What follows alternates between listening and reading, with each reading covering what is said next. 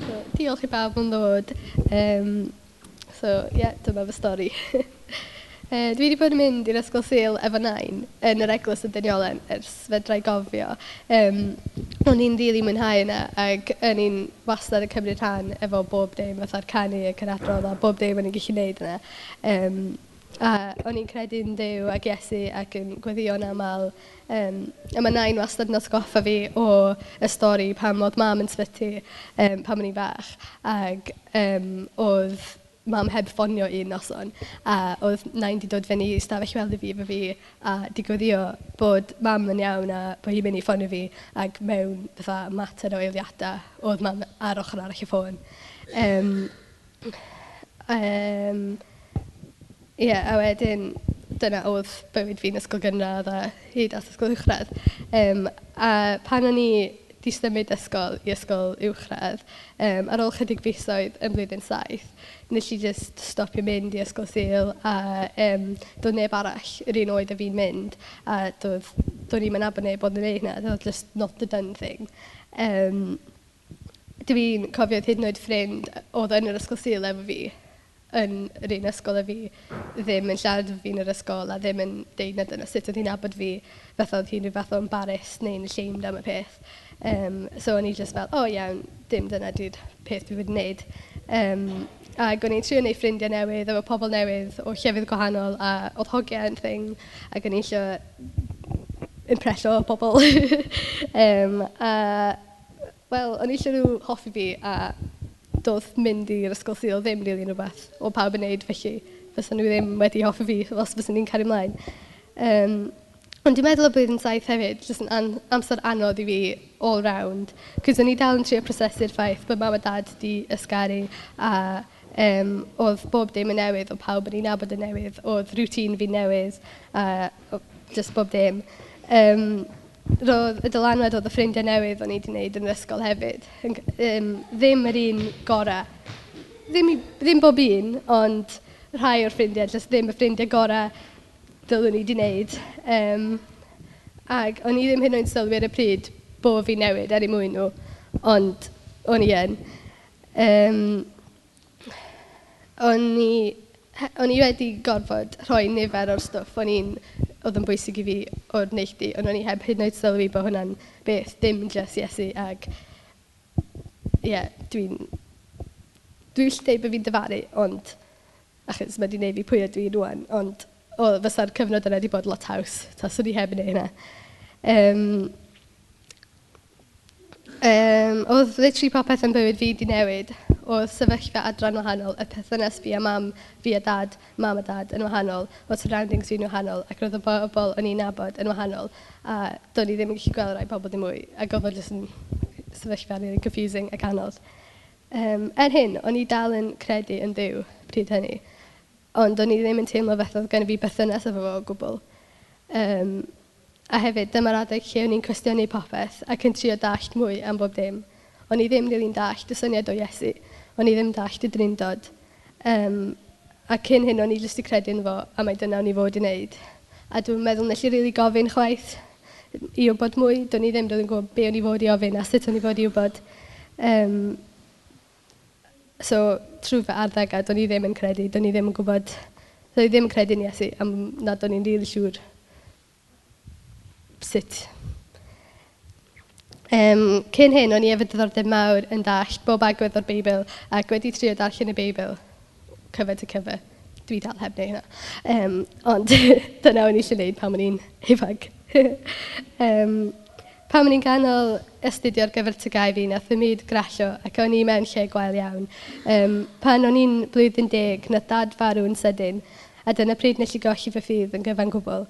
Er o'n i'n credu yn ddiw, o'n i ddim yn ei hoffi, O'n i'n flin iawn efo fo ac efo pawb. Um, o'n i'n beio dew am cymryd dad ac oedd lot o sympathy cards a quotes yn cael ei anfon ato fi, a pethau fatha the best people die young a rhyw fwy drafel na, ond doedd hynny ddim yn helpu fi.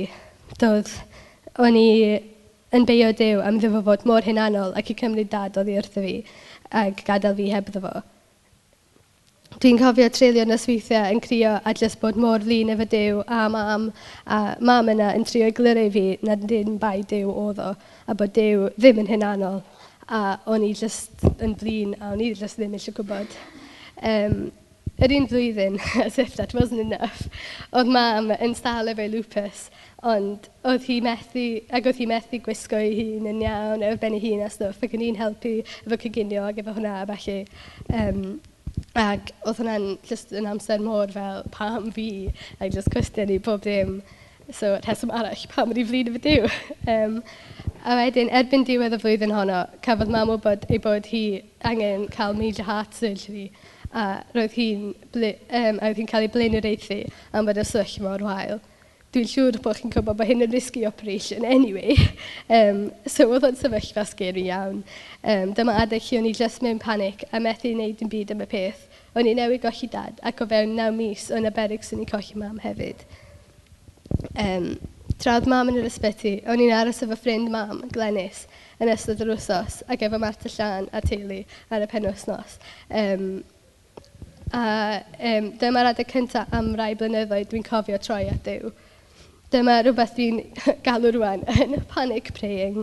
Um, do'n i ddim yn rational a doedd o ddim y siŵr yn ei lot o sens, ond o'n i eisiau dew eich y mam. Um, o'n i ddim eisiau colli riant arall. Ac er o'n i dal yn ddyn efo dew lot o'r amser, o'n i dal eisiau fo i wneud hyn i fi. Um, so yn ystod y cyfnod y gau yma, um, o'n i ddim yn lle da iawn o gwbl a nes i golli rhan fwyaf ffrindiau fi. Um, o'n i Ond wrth edrych yn ôl, oedd hyn yn fendith, a beth fe wedi bod yn well, so ni wedi colli nhw'n gynt, gan ei bod fy, yn fy mhoeni am brifo, um, a oedd hwnna'n straen ychwanegol. Um, ond oedd y dwy flynedd yma jyst, jyst yn afiach. Um, a trwy chweched, nath pethau jyst parhau fel oedden nhw. Oedd mam yn recyfrio a oedd dal efo problemau, problemau iechyd eraill a oedd hi dal yn anodd. Um, o'n i dal i alaru ac oedd rhai dyddiau wir yn strygl. Ond gen i, ond oedd gen i athrawon rili really da a oedd nhw'n helpu fi trwy lot.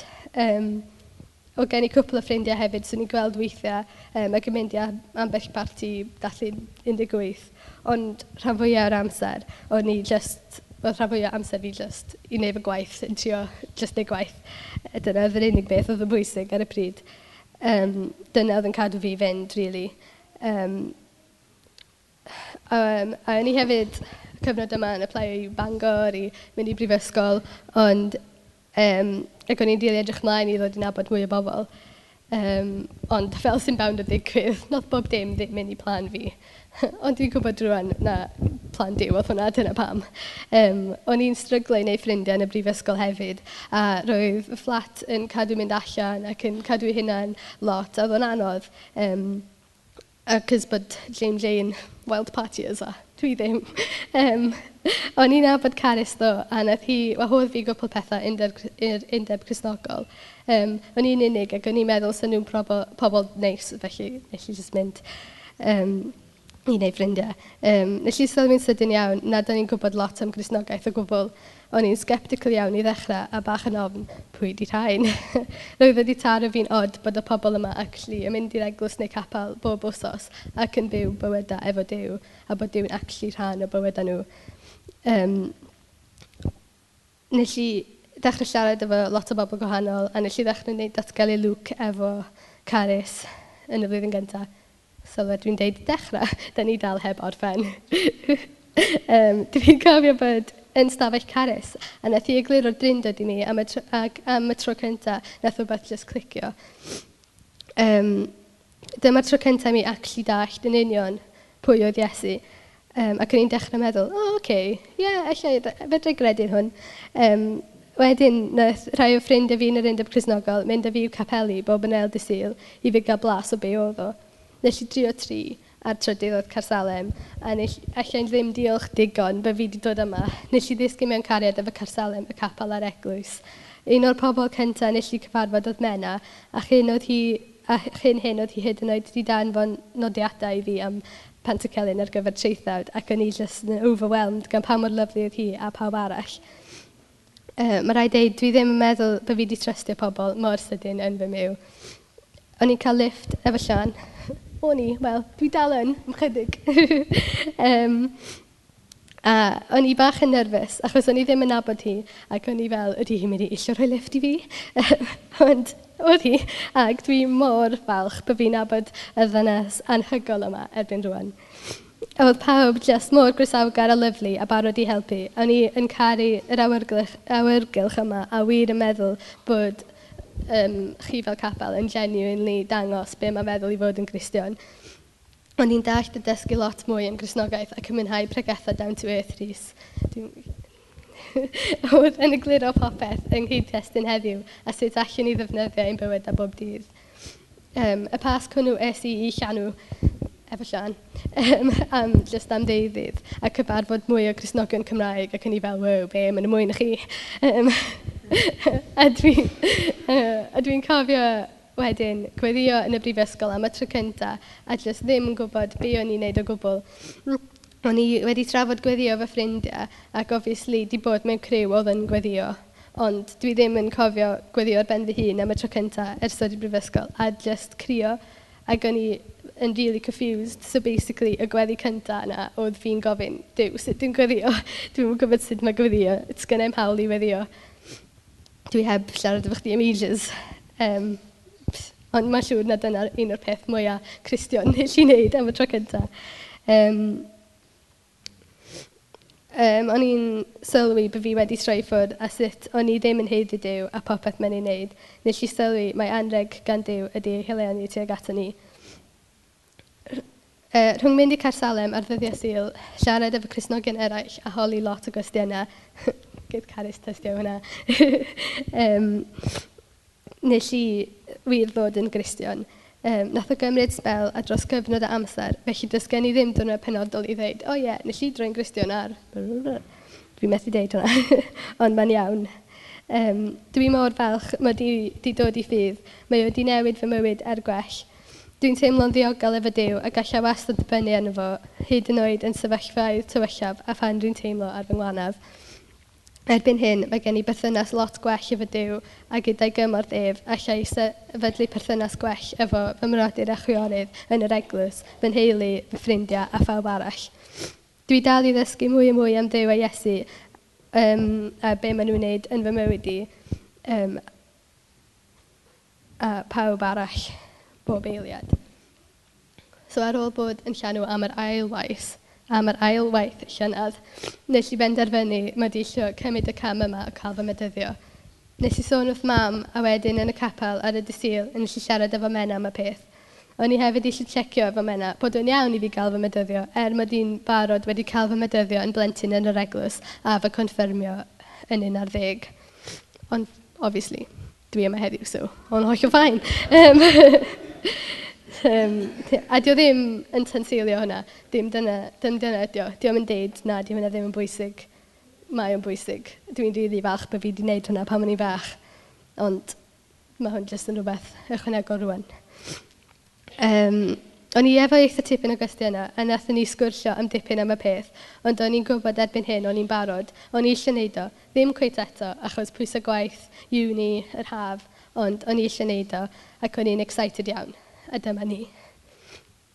Um, yeah.